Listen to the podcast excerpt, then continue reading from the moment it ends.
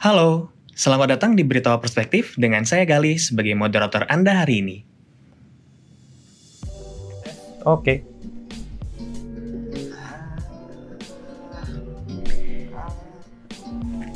Cek. Halo, selamat datang di Berita Perspektif setelah sekian ribu purnama eh kita tidak berjumpa. ya. Em, buat teman-teman yang lagi di luar sana sedang bekerja dari rumah atau belajar dari rumah atau mungkin diam di rumah aja selamat menjalankan misi penyelamatan eh, kehidupan manusia.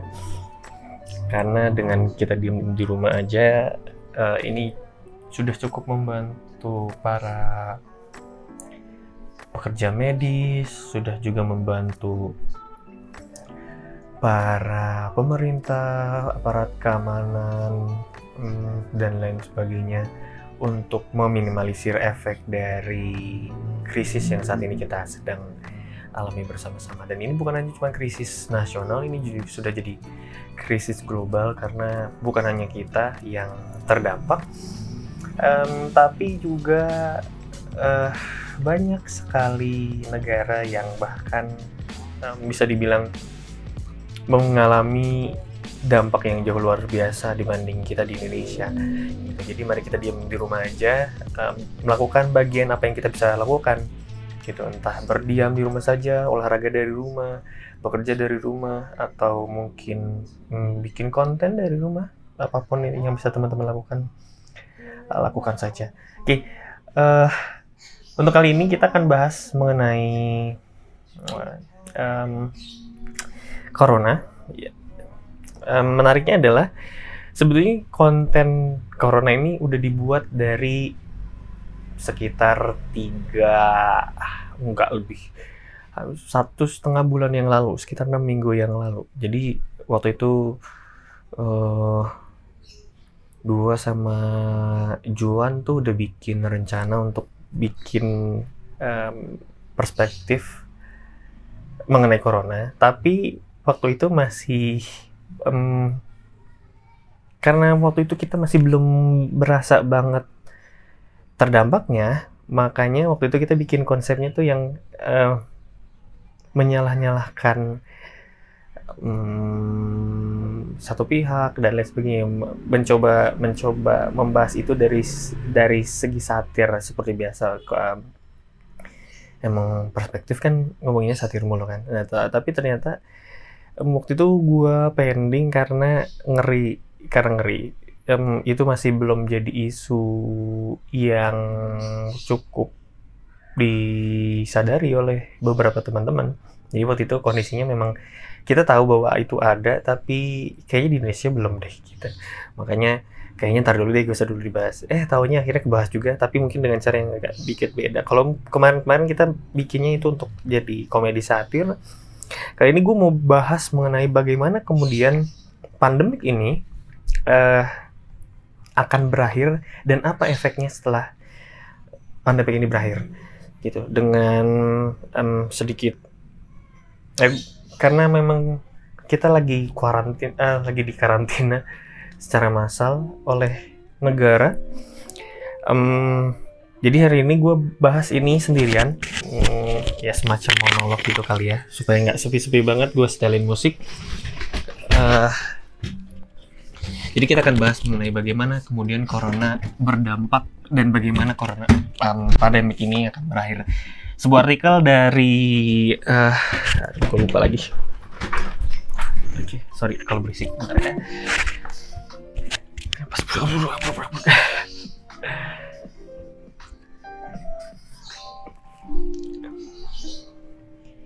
Semoga suaranya nggak terlalu mengganggu karena suara buruknya ganggu banget.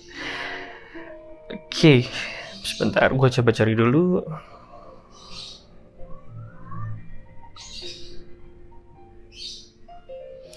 Sebuah artikel dari theatlantic.com, hmm, sebuah saduran. Jadi ini sebetulnya artikel aslinya dalam bahasa Inggris, Sebelum kita coba bahas dengan apa yang terjadi di Indonesia, dengan apa yang mungkin terjadi juga di dunia dari artikel ini, lalu kita kaitkan dengan bagaimana kemudian manusia merespon sesuatu yang pada dasarnya uh, luar biasa berefek gitu kan. Oke, okay. um, kita mulai aja. Jadi mungkin sekitar kalau di Indonesia mungkin sekitar dua bulan yang lalu kali ya. Dua bulan yang lalu atau mungkin di luar di luar Indonesia tiga bulan yang lalu kita masih nggak tahu apa itu um, SARS CoV-2 atau mungkin yang saat ini kita kenal sebagai uh, novel coronavirus uh, atau COVID-19 uh, untuk mempersingkat penyebutannya jadi COVID-19 um, kita bahkan masih uh, tiga bulan yang lalu, dua bulan yang lalu masih um, orang Indonesia masih belum aware terkait dengan um, apa itu SARS-CoV-2, COVID-19, atau bahkan mungkin um, ketika kita nonton berita, jadi sebetulnya si um, virus novel coronavirus ini udah ada sejak akhir Desember di China. Di Januari kita lihat um, China kemudian Wuhan lockdown and then um, kita masih kayak ketawa ketiwi hihi ada isu bahwa ini virus yang dibikin untuk keperluan uh, sebagai senjata biologis dan lain sebagainya konspirasi dan lain sebagainya. Uh, dua bulan yang lalu kita masih nggak aware uh, hari ini semua orang terdampak. Bahkan setidaknya gitu ya uh, sekitar 446 ribu jiwa manusia di dunia uh, bisa dibilang terserang atau terinfeksi. Kayak gitu kan. Um, semua negara mengalami imbas yang luar biasa. Amerika Serikat Italia Iran negara-negara Eropa besar yang punya sistem uh, kesehatan sistem perlindungan kesehatan atau uh, apa um, bagaimana kita menyebutnya? Uh, sorry. Ya, sistem uh, sistem sistem perlindungan kesehatan untuk masyarakat ataupun uh, sistem pengobatan kesehatan di masyarakat negara-negara dengan tingkat yang lebih baik dari Indonesia pun terdampak cukup parah gitu. Beberapa negara yang mungkin sampai dengan saat ini dari segi jumlah korban jiwa dan penanganan bisa lebih cepat dan bisa dibilang lebih baik. hanya beberapa negara-negara yang kita tahu bahwa pada dasarnya kualitas kesehatannya dan um, bagaimana pola hidup masyarakatnya juga memang lebih baik dibanding negara-negara kita. Ada Singapura, ada Jepang, Korea Selatan, dan juga Hong Kong. Sejauh ini merupakan negara-negara yang bisa dibilang uh, masih cukup kuat untuk menahan badai krisis corona ini. Gitu kan? Uh, dan virus ini bukan hanya menyerang eh, negara-negara uh, seperti kita yang bisa dibilang dari segi uh, perlindungan kesehatan dan uh, penanganan kesehatannya lebih baik gitu. Seperti tadi disebutkan di awal Italia pun terkena Afrika Serikat pun kena gitu ya Belanda Jerman Inggris semua negara negara miskin negara kaya semuanya kena. Kayak gitu ya. Dan uh, sebetulnya gitu ya um, kalau misalnya kita bandingkan dengan uh, mungkin kalau misalnya contoh di US uh, ketika US uh, menghadapi perang dunia hancur uh, gara-gara Pearl Harbor gitu ya. Atau misalnya serangan 9/11 uh, pandemik ini punya efek yang bisa dibilang uh, sama besarnya dalam uh, mengubah uh, semacam tatanan kehidupan di Amerika Serikat gitu. Dan sebetulnya bukan hanya di Amerika Serikat tapi juga secara global kalau misal lo lihat sekarang ada banyak banget uh, tempat cuci tangan di area-area umum. Terus juga orang jadi lebih aware dengan kesehatan dia dan orang lain. Hmm, orang jadi sering banget keluar pakai masker, cuci tangan dengan rutin, bawa hand sanitizer ke mana-mana, terus juga uh, mungkin makanan yang dimakan juga jadi lebih uh, ya proses uh, pemasakannya atau si proses pembersihannya jadi luar biasa. Um, ini um, ini sudah cukup mengubah tatanan hidup manusia uh, pada umumnya kayak gitu.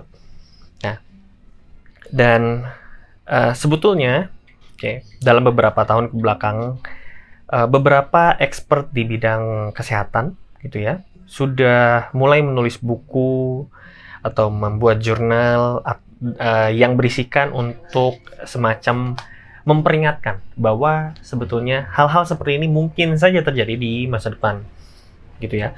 Kalau misalnya lu buka TED uh, entah mungkin dari YouTube atau dari aplikasi uh, TED gitu ya TED Talks di 2018 uh, atau di beberapa tahun ke belakang gitu ya uh, Bill Gates juga pernah bilang gitu ya uh, mengenai kalau misalnya uh, pandemik pandemik pandem, pandemik apa pun terjadi uh, sebetulnya kita udah siap atau belum sih? Dan sebetulnya ya, kita memang belum belum siap secara mental untuk menghadapi uh, pandemik ini.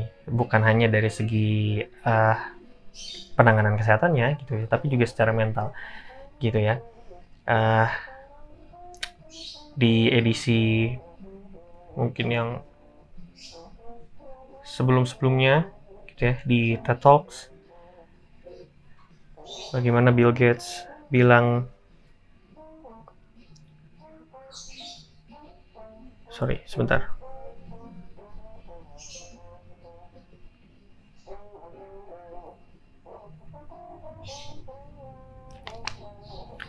Ya di 2015 ya TED Talks um, ya TED Talks sorry.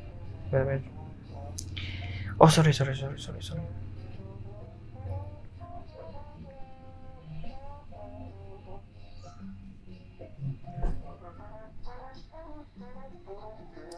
Oke, okay. di sebuah uh, sesi di TED uh, TEDx mungkin. Bill Gates pernah bilang uh, bahwa untuk sebuah krisis berikutnya, krisis apa pun, jadi waktu itu Bill Gates sih sebetulnya ngomongin tentang Ebola yang terjadi di Afrika, ya, semacam uh, apa virus yang menyerang juga uh, sistem pernapasan, gitu ya. Um, jadi di 2014 Ebola terjadi, kemudian Bill Gates bilang bahwa kalau misalnya ternyata uh, outbreak atau uh, krisis seperti ini terjadi lagi, sebetulnya kita memang belum siap, gitu ya. Uh, bukan hanya dari segi uh, penanganan uh, ketika orang sudah terkena uh, virus tersebut, gitu, tapi bagaimana pola kita uh, hidup, gitu ya, juga belum siap gitu ya nah mungkin teman-teman bisa lihat juga uh, videonya di melalui YouTube atau melalui aplikasi uh, TED. Mengenai uh, judulnya The Next Outbreak We Are Not Ready Yet gitu ya dari Bill Gates di upload 2015 oke balik lagi. Hmm, jadi memang Eh, banyak sekali ahli bilang bahwa memang kita tuh belum memang belum siap untuk menghadapi situasi-situasi seperti ini yang mungkin saja terjadi kembali di masa depan. Kayak gitu. Ya. Jadi kita tuh dari yang uh, ngebayang-bayangin dulu bagaimana kalau terjadi. Nah sekarang kita udah mulai ngalamin nih. Jadi pertanyaannya berganti dari bagaimana kalau jadi sekarang apa sekarang apa yang perlu kita lakukan? Kayak gitu kan? Gitu. Jadi sekarang apa? Ada banyak hal yang sebetulnya memang perlu disiapkan gitu ya. Uh, seorang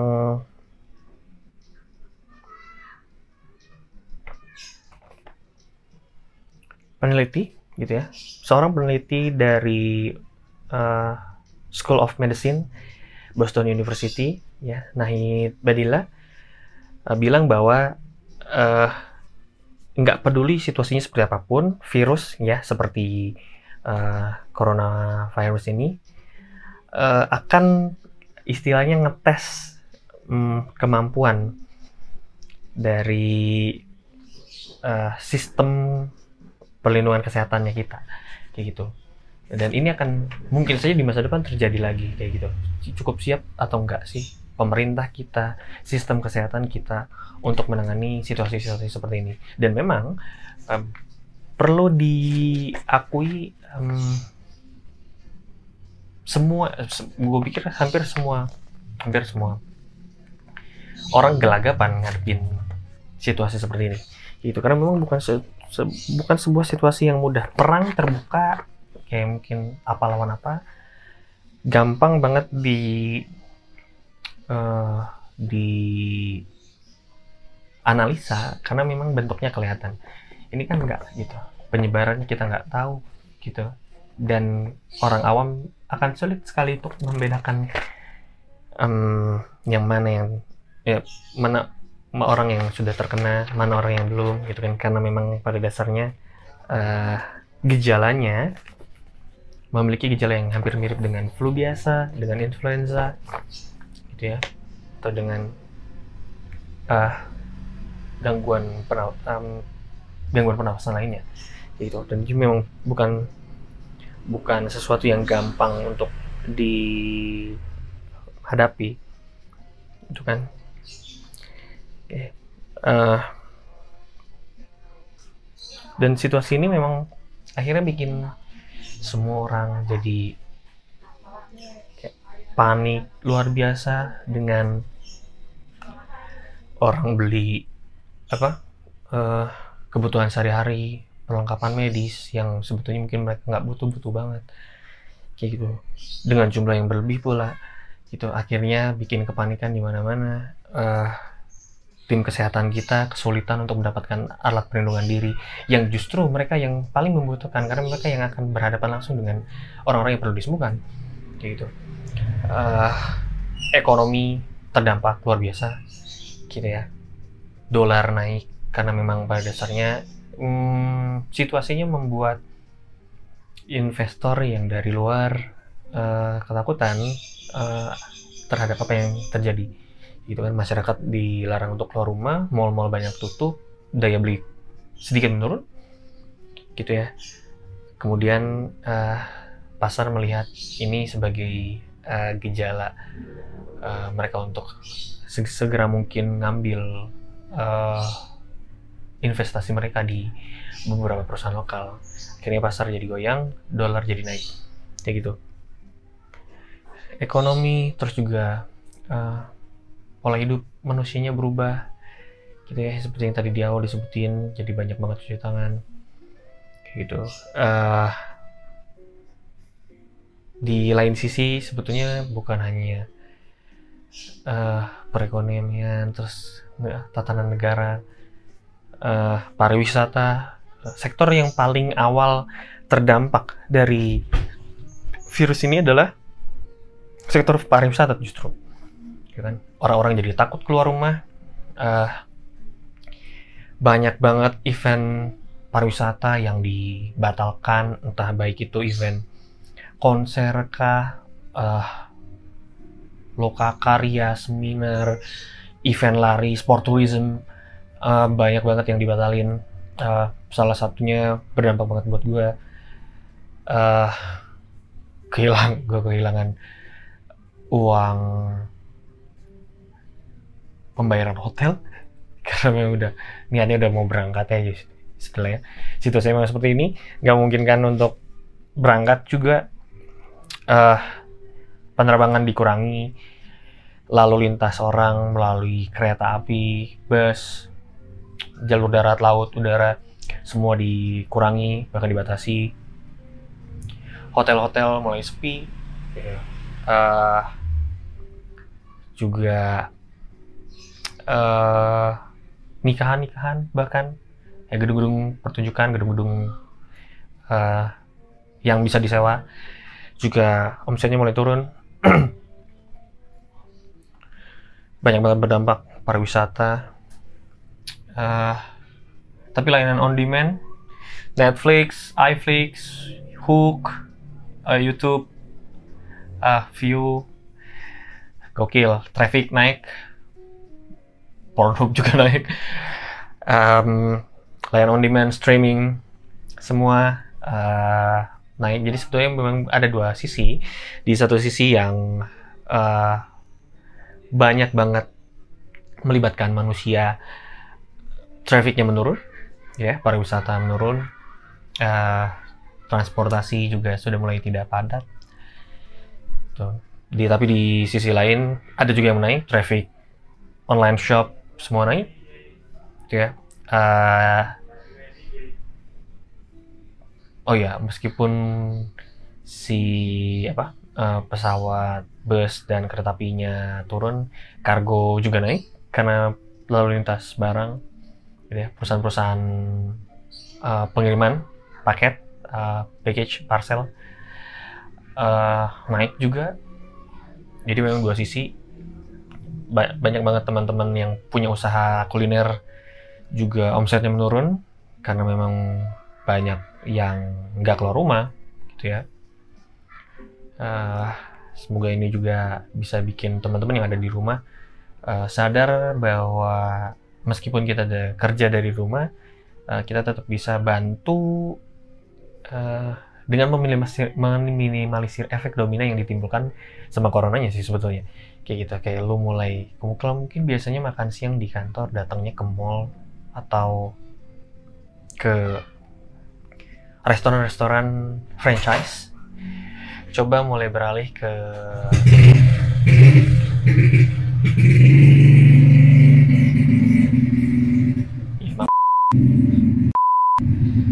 Kalau biasanya okay.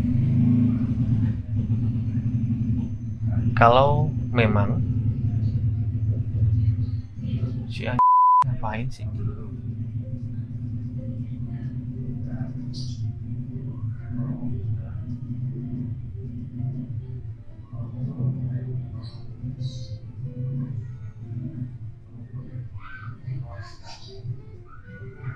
Okay kalau memang mungkin biasanya makan siangnya ke franchise-franchise modern atau ke mall, coba mulai beralih ke kedai-kedai makan yang mungkin ada di Gojek, di GoFood, um, sorry, di GrabFood atau um, layan-layanan uh, makan pengiriman makanan yang lain gitu. Coba mulai lihat ke kedai-kedai yang sekitar rumah aja gitu ya. Kalau memang nggak masak atau kalau memang masak belum masak. Kayak gitu makan aja di makanan yang ada di rumah. Gitu. Karena dengan gitu teman-teman bantu dapur mereka untuk tetap ngebul gitu. Ada beberapa gerakan-gerakan positif yang menurut gue um, patut dicontoh.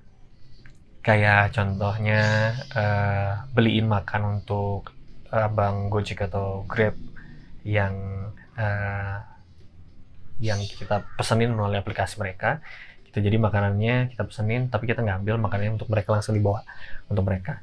Gitu. Salah satu inisiatif yang bagus menurut gue karena memang pada dasarnya order Gojek pun menurun order Go um, Grab pun menurun. Kayak gitu. Uh, mereka dapat dua keuntungan. Keuntungan pertama mereka jelas dapat pelanggan istilahnya penumpang. Gitu ya. Yang kedua mereka dapat makan karena mungkin uh, biasanya mungkin mereka bisa dapat 10 20 uh, order per hari ini mungkin um, 5, 7 belum tentu. Karena memang nggak banyak uh, mobilitas masyarakat di luar sana gitu kan. Jadi mereka dapat dua keuntungan sekaligus. Makanannya bisa mungkin mereka makan sendiri. Ada beberapa uh, abang-abang ojek online ini bahkan yang makan bareng-bareng sama teman-temannya atau dibawa ke rumah untuk sama keluarga kayak gitu.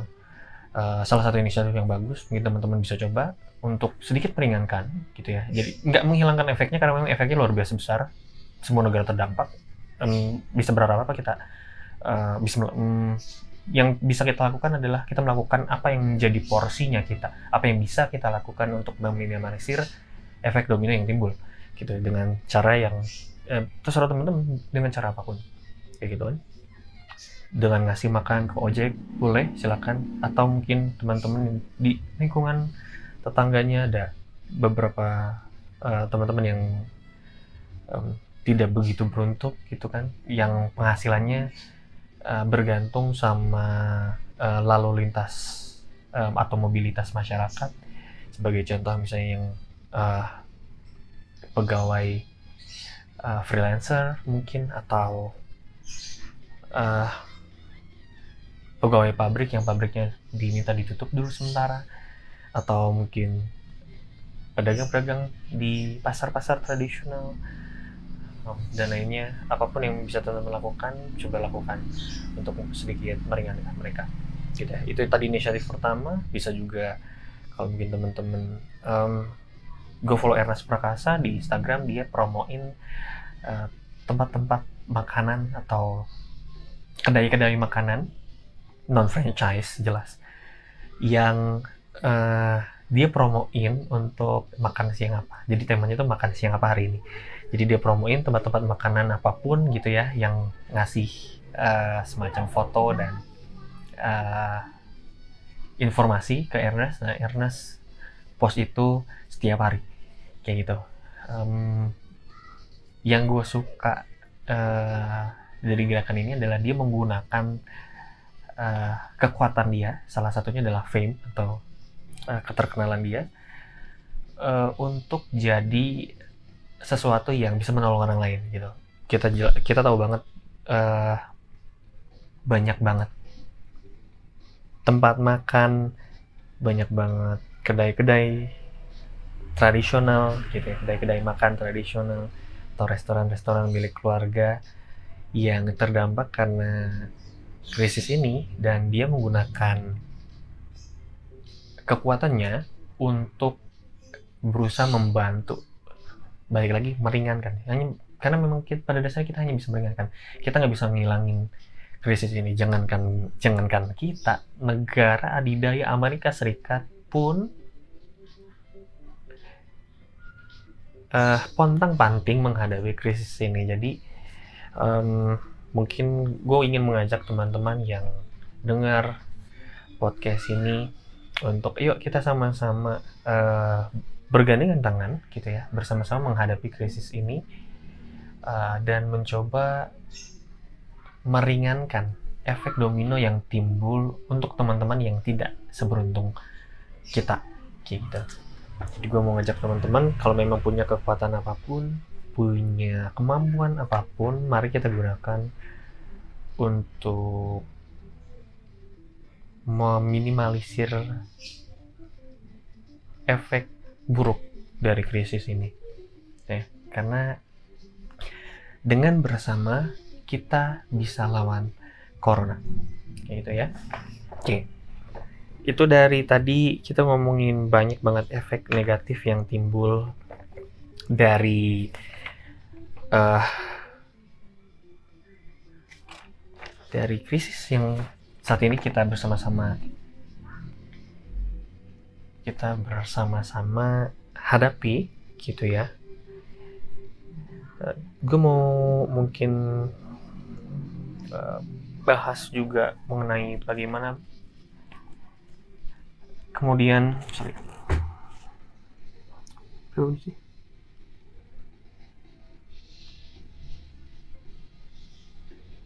Nggak kelihatan lagi menitnya berapa? Oh 28 menit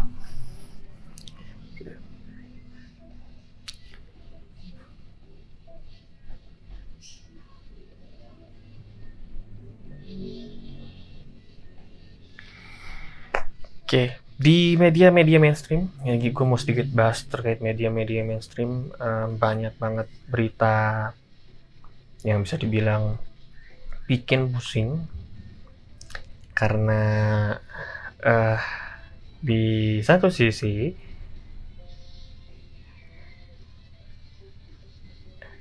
um, akhirnya karena memang semua berita bahas corona akhirnya kita terpengaruh secara psikologis uh, tidak bisa memikirkan hal lain selain corona dan itu sedikit memberikan uh, efek buruk sebetulnya untuk kita karena akhirnya kita jadi parnoan sebagai masyarakat. Di situasi seperti ini harusnya uh, lebih banyak lagi berita-berita uh, entah mungkin berita positif terkait corona atau berita lain yang masuk ke istilahnya ke ke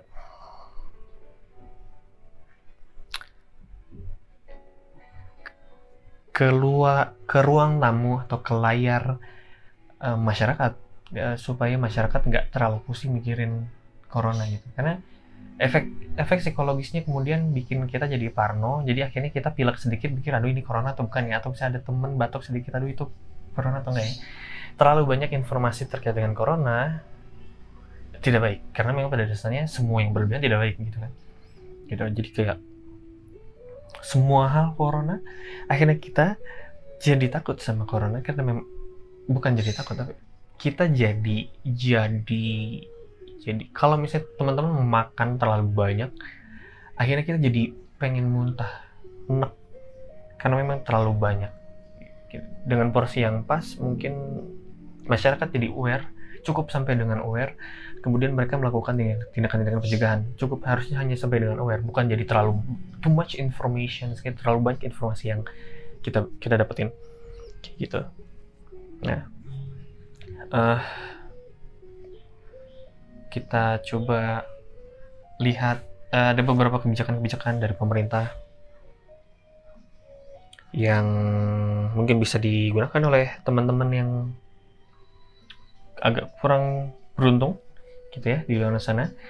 Seperti contohnya uh, Presiden Jokowi gitu ya melalui lembaga negara uh, Kementerian Pendidikan Nasional membatalkan ujian nasional.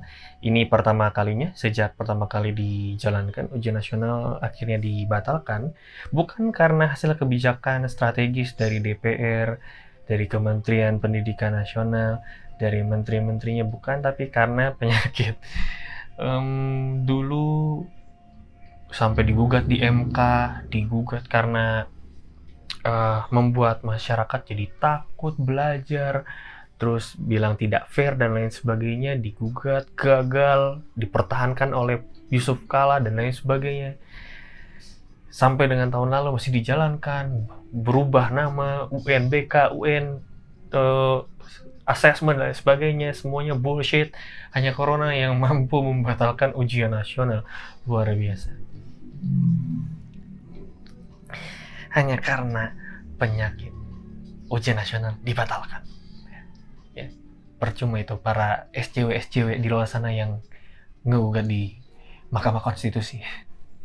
Oke itu bisa dibilang berita baik karena akhirnya anak-anak kita tidak lagi dipandang sebagai uh, satu kelompok yang sama gitu kan?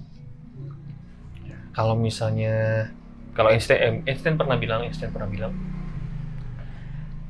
kalau kita mem memandang ikan dari caranya dia memanjat pohon, maka si ikan itu akan berpikir seumur hidup bahwa dia bodoh. Padahal memang pada dasarnya ikannya berbeda. Ikan berbeda dengan mohon maaf, monyet kayak anjing kayak atau apa. Memang berbeda. Tapi ya itu kan yang terjadi di pendidikan Indonesia gitu. Ya, setiap anak tuh istimewa punya kemampuannya masing-masing tapi kalau mau lulus standarnya segini itu kan yang jadi masalah dari UN ya, makanya uh, cukup bahagia akhirnya UN dibatalkan setidaknya untuk tahun ini. Semoga sih gak usah ada lah gitu ngapain sih? Gitu. Biarkan anak-anak itu mencari bakatnya masing-masing menjadi dirinya sendiri tanpa perlu distandarkan.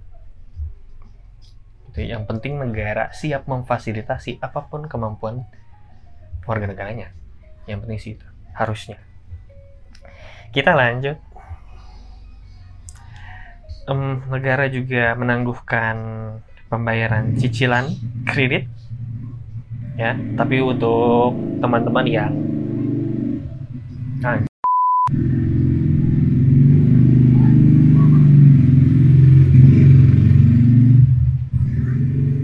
Oke, lagi. Negara menangguhkan cicilan kredit bagi teman-teman yang berpenghasilan uh, di bawah rata-rata gitu ya uh, masyarakat berpenghasilan rendah dengan mekanisme yang diatur oleh otoritas jasa keuangan. Jadi, teman-teman yang sebetulnya gajinya cukup, jangan berharap cicilannya ditangguhkan. Bayar. Jangan pakai ini sebagai alasan. Gitu ya. Kita jadi silakan teman-teman yang mungkin uh, butuh bantuan pemerintah, silakan menghubungi uh, otoritas jasa keuangan terkait dengan mekanisme uh, pemberian uh, bantuan penangguhan pembayaran cicilannya gitu ya. Jadi nggak semua masyarakat tidak semua masyarakat. Kalau memang penghasilannya lebih dari cicilannya ya tetap bayar aja gitu kan. Tuh ada beberapa hmm, yang lain seperti penambahan nominal bagi penerima kartu sembako ya masyarakat berpenghasilan rendah juga. Karena memang pada dasarnya yang kelompok masyarakat yang akan uh, yang akan paling merasakan dampak dari efek dominonya ya bukan dari krisisnya mungkin eh, mungkin kalau dari segi uh, penyakit coronanya semoga saja mereka terlindungi gitu kan. Tapi dari efek domino yang ditimbulkan dari krisis corona ini adalah masyarakat masyarakat masyarakat berpenghasilan rendah. Teman-teman yang penghasilannya tidak menentu setiap harinya kayak gitu. Um, mohon maaf abang ojek online. Penjual-penjual uh, makanan atau usaha-usaha kecil yang warungan penghasilannya tidak di hari-hari yang normal saja tidak menentu. Kayak gitu. Uh, mereka yang justru paling rentan terkena efek dominonya gitu. Ketika mereka justru uh, mungkin sehat secara fisik. Tapi uh, dari segi uh, mental gitu mungkin mereka bisa diserang dari hal-hal yang muncul dari efek domino. Bing bingung bayar cicilan karena penghasilan nggak ada gitu kan. Terus juga untuk makan susah dan lain sebagainya. Nah, makanya um, gue sangat mendukung sekali negara memberikan paket-paket kebijakan ekonomi untuk masyarakat masyarakat berpenghasilan rendah. Kayak gitu. Ya. Uh, selain itu juga saat ini um, negara sudah memfasilitasi tes massal melalui ekspor uh, alat tes sebanyak 2 juta alat tes uh, massal ya alat sorry 2 juta alat tes instan corona yang bisa didapat hasilnya kurang lebih dalam waktu 10-15 menit. Uh, alat terus mungkin ada beberapa masyarakat yang mikir emang apa sih gunanya alat tes dengan uh, penanggulangan krisis corona ini? Hubungannya adalah kalau kita bisa tahu lebih cepat dan lebih banyak orang yang mana yang negatif, yang mana yang positif, maka kita akan bisa memisahkan orang-orang yang positif, dirawat, disembuhkan, hingga akhirnya lingkungannya dia tidak bercampur dengan orang-orang yang negatif. Nah, resikonya kan ada seperti itu. Resikonya adalah ketika kita masih belum tahu nih dia positif atau enggak, eh, akhirnya orang yang positif bercampur dengan yang negatif, jumlah positif bisa melonjak 2, 3, 4 kali lipat uh, dari apa yang ada gitu kan. Itulah yang terjadi di Itali. Orang-orang Itali kayak santai aja kayak udahlah paling flu biasa dan lain sebagainya. Itu juga yang terjadi di Amerika Serikat gitu. Akhirnya menyebar dan negara terlambat untuk melakukan tindakan karena pada dasarnya negara nggak tahu nih yang mana yang positif yang mana yang negatif. Itulah hubungannya dari alat tes uh, massal ke cara penanggulangannya kayak gitu. Jadi kalau memang udah ketahuan yang mana yang positif, pisahin orangnya gitu ya. Lingkungan yang mungkin tadinya si orang itu di situ, coba dikarantina. Yang mana yang kemungkinan sudah terpapar, yang mana yang belum. Kalau memang belum ya udah dikarantina, gitu ya. Udah kita sembuhin dulu sampai nanti akhirnya dia balik ke lingkungannya. Kayak gitu. Itulah uh, hubungan antara tes positif.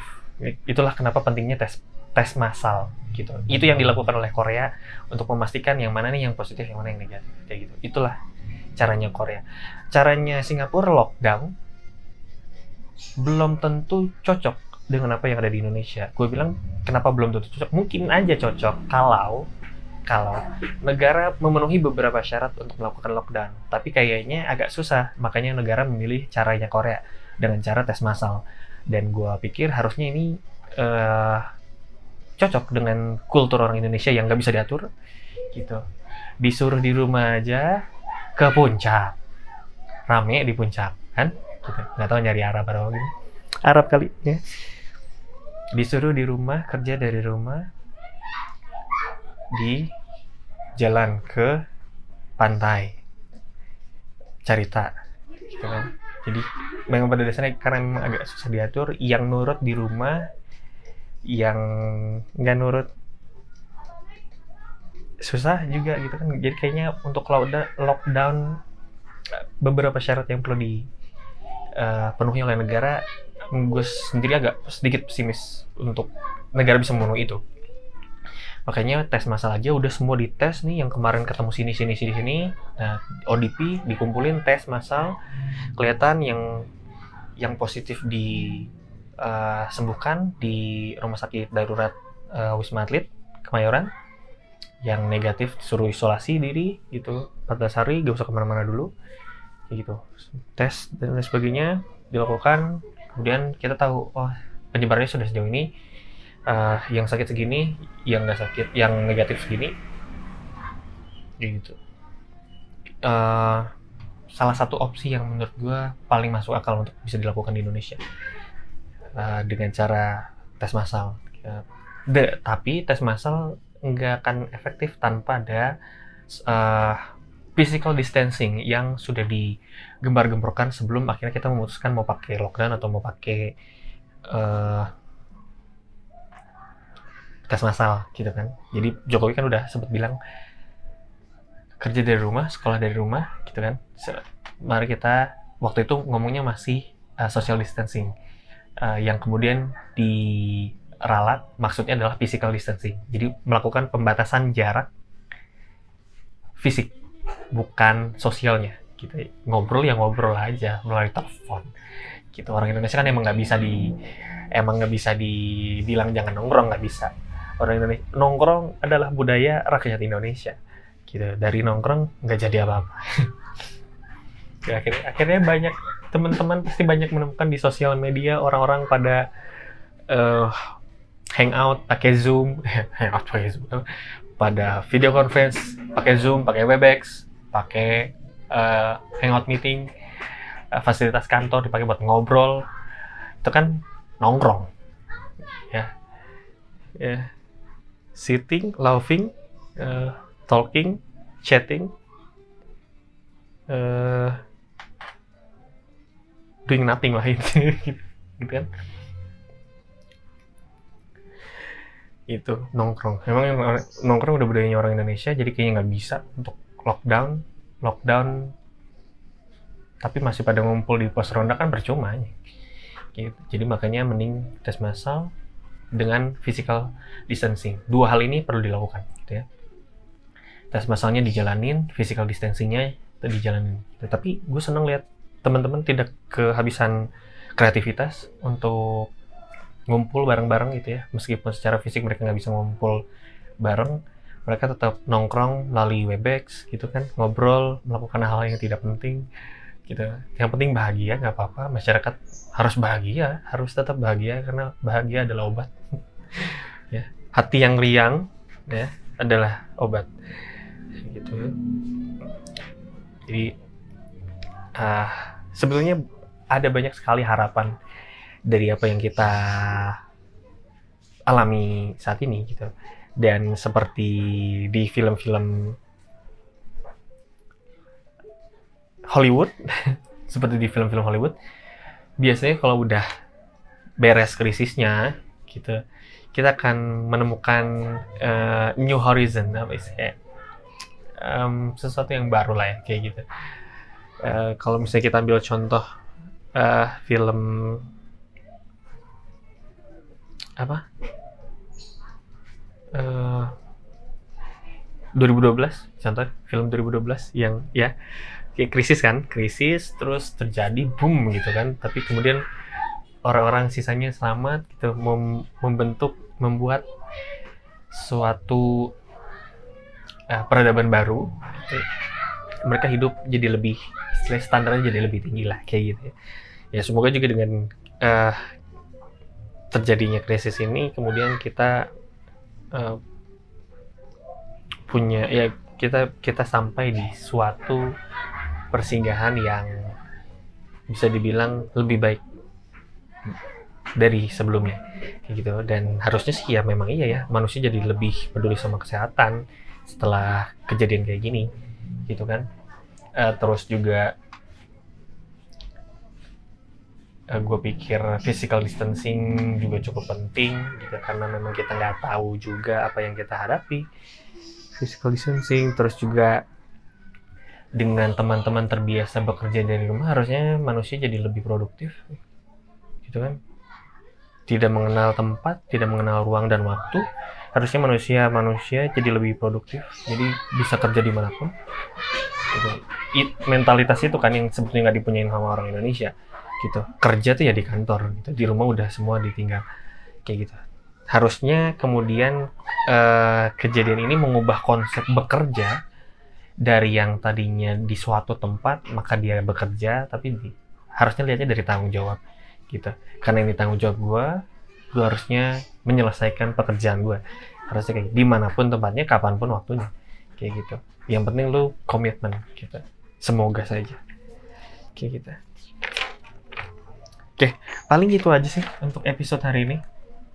Hmm, gue sudah berbicara kurang lebih sekitar 46 menit. Um, akan banyak sekali hal yang dipotong mungkin nanti. Uh, ya selama periode ini, ya mungkin nanti gue akan banyak sendiri melakukan siaran podcast sin siniar ya dalam bahasa Indonesia tuh siniar gue seneng dengan bahasa Indonesianya podcast. Karena uh,